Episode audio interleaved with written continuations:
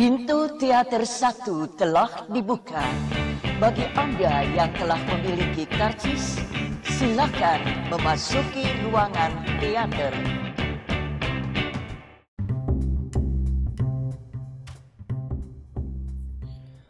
Halo semuanya, baik lagi sama gue Mustafa di podcast Habis Nonton Film Sebelum gue mulai cerita soal film A Star Is Born uh, Buat kalian penasaran gimana uh, opini gue soal film First Man dan The Night Comes For Us Dan juga Jaga Pocong uh, Kalian bisa dicek di dua episode sebelumnya Di podcast ini ya. Uh, Jadi beberapa hari yang lalu gue habis nonton film Star Is Born bareng sama teman-teman gue uh, film yang udah direncanakan dari lama nontonnya karena setelah uh, diputar di uh, festival uh, di Toronto apa Venice ya? Gue lupa. Uh, itu dapat sambutan yang meriah banget. Bahkan kabarnya setahu gue itu dapat standing applause selama 8 menit. It's a very very uh, good thing to know. Karena ini adalah film pertama yang disutradarai sama Bradley Cooper. Dan uh, ternyata hasilnya setelah gue tonton sangat-sangat bagus. Sangat-sangat well prepared gitu ya.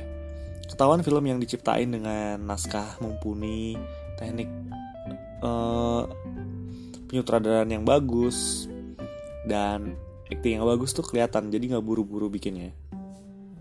Uh, setelah gue nonton kenapa gue nggak langsung review? Karena gue mencoba mencari informasi-informasi kenapa kenapa film ini terasa begitu sentimental gitu.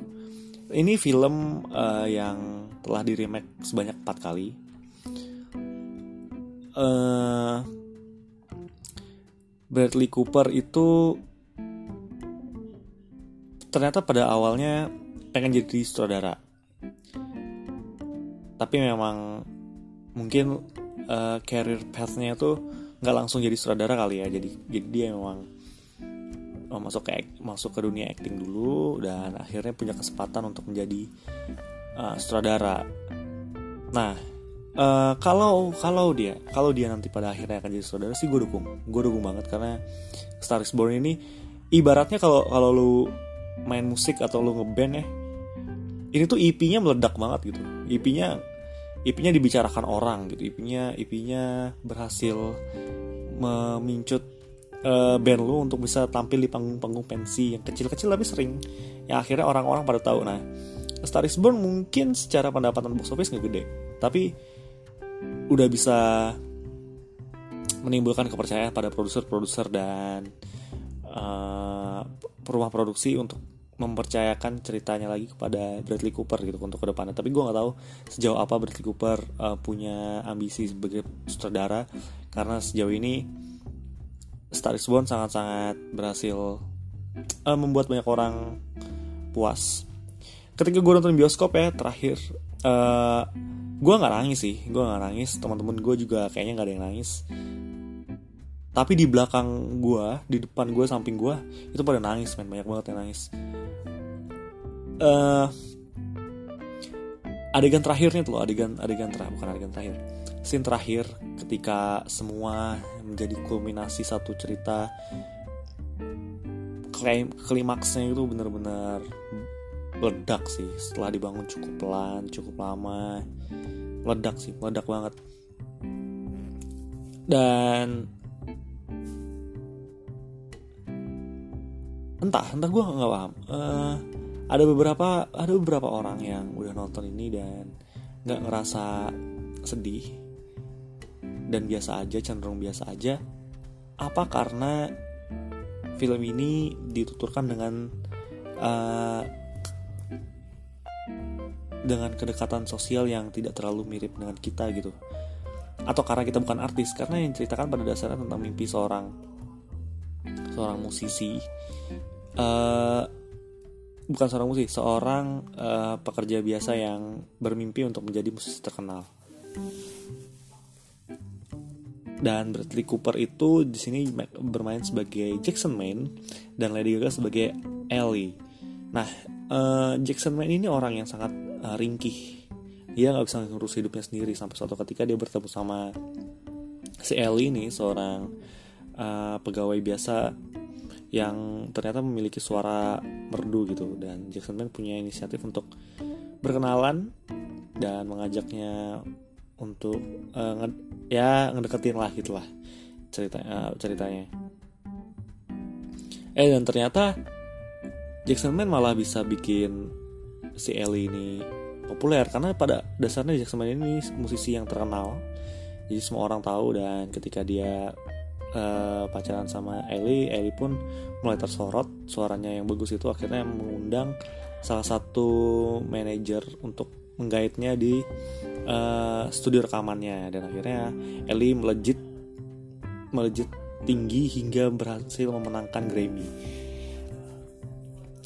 Uh, sorot-sorotannya lebih kepada seorang Jackson Man yang tidak bisa mengurus dirinya gitu yang udah tergambar jelas. Kalau lu udah nonton dan kalau kalau dan dan kalau lu belum nonton coba perhatikan bagaimana penggambaran ringkih Jackson Man itu udah udah, udah berhasil digambarkan sejak awal tentang dia yang suka mabuk dan tidak bisa mengurus dirinya sendiri itu itu sangat tergambar jelas dari awal.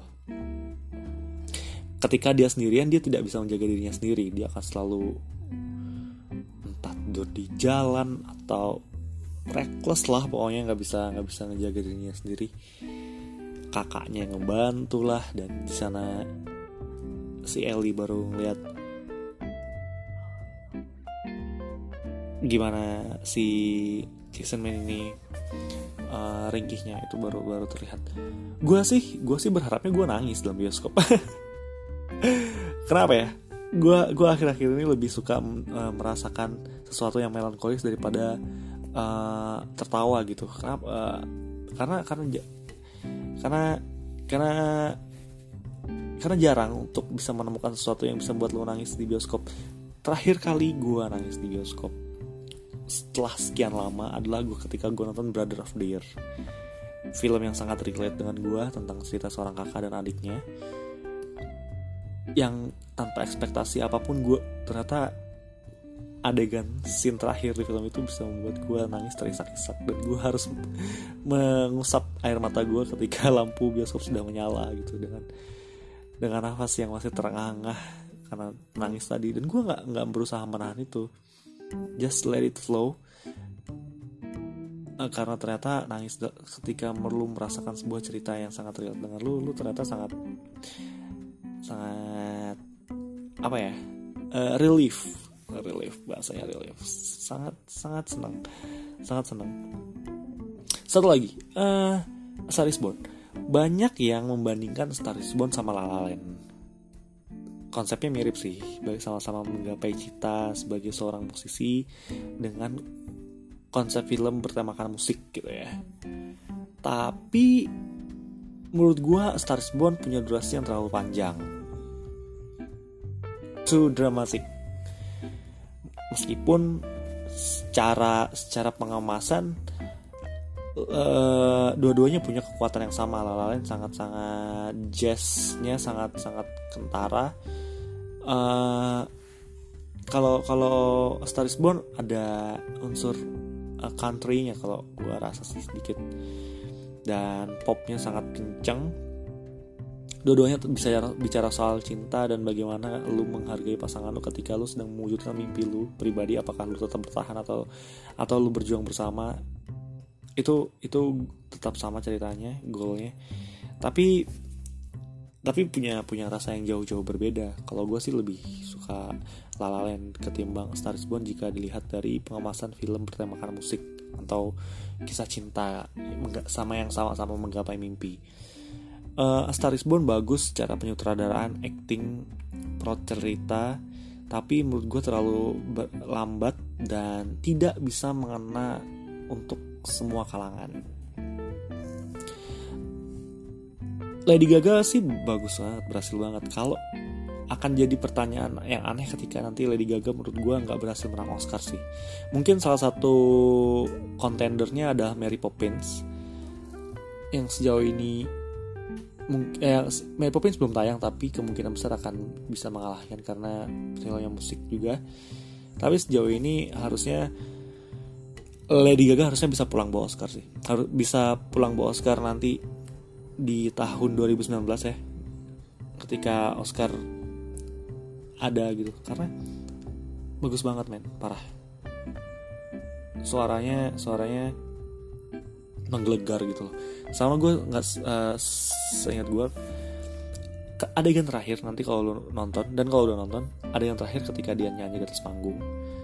Uh, itu diambil setelah Lady Gaga berkunjung ke uh, pemakaman temannya.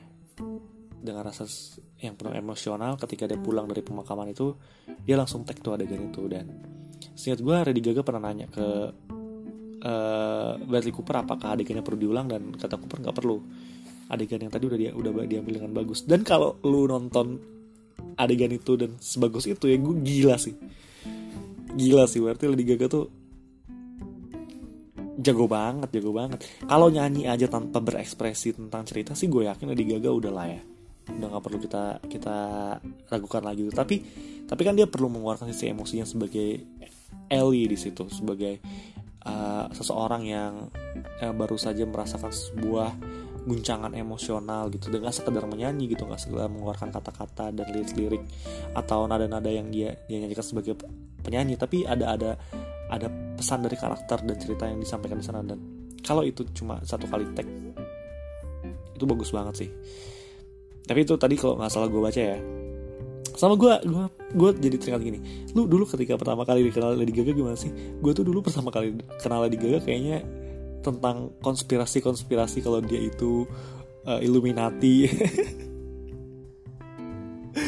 Freemason itu ya gak sih? Lu lu juga gak sih? Apa apa lu baru kenal kenal sekarang apa? Kalau gue dulu lu ya dulu ketika era-era internet eh bukan era-era YouTube baru berseliweran ya kan suka ada tuh foto video-video yang setahu kalau Lady Gaga tuh Illuminati itu mata satu lah apalah segala macam jadi yang membekas otak gue Lady Gaga adalah seorang rebel yang dunia musik yang terselubung Illuminati ketika itu. Wow it's a fun. Uh, good old days ketika gue inget-inget lagi Lady Gaga terkenalnya di uh, gue dulu ingatnya itu sih soal soal itu. Uh, apalagi ya? Gue nggak mau cerita banyak soal konten ceritanya sih tapi gimana gimana ketika gue nonton dan hmm, gue sih jadi nggak penasaran tiga film sebelumnya karena mungkin tujuan Bradley Cooper itu menyempurnakan yang udah ada sebelumnya gitu. Tapi kalau misalnya hasil review yang udah ada itu mengatakan kalau tiga film sebelumnya itu lebih bagus, mungkin gue akan nonton.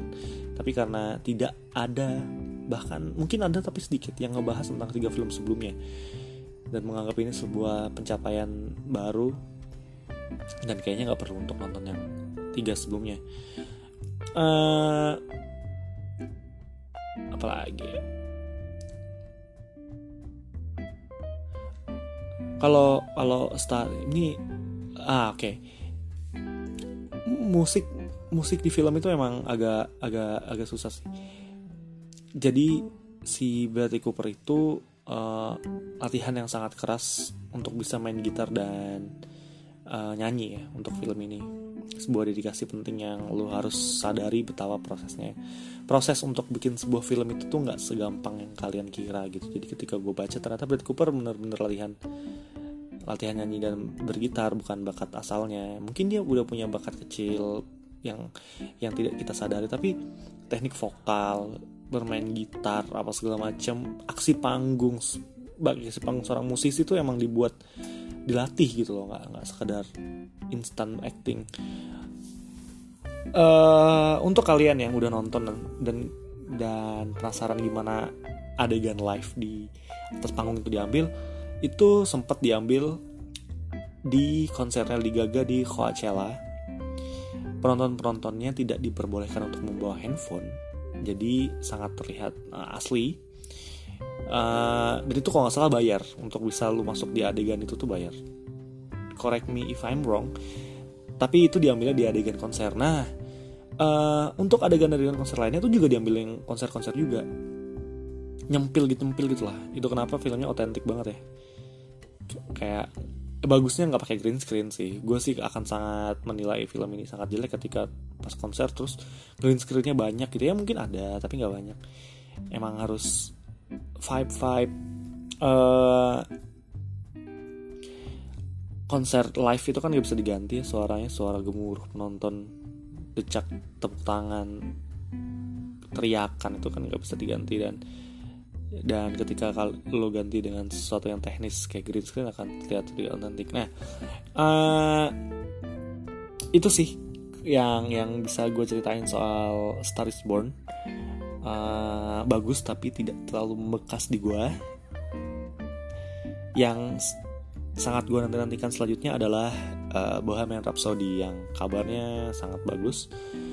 Gue penasaran gimana syutingnya eh syutingnya gimana hasil actingnya Rami Malek jadi semoga akan gue bikin review secepatnya. Udah gitu aja. Dadah sampai jumpa di episode selanjutnya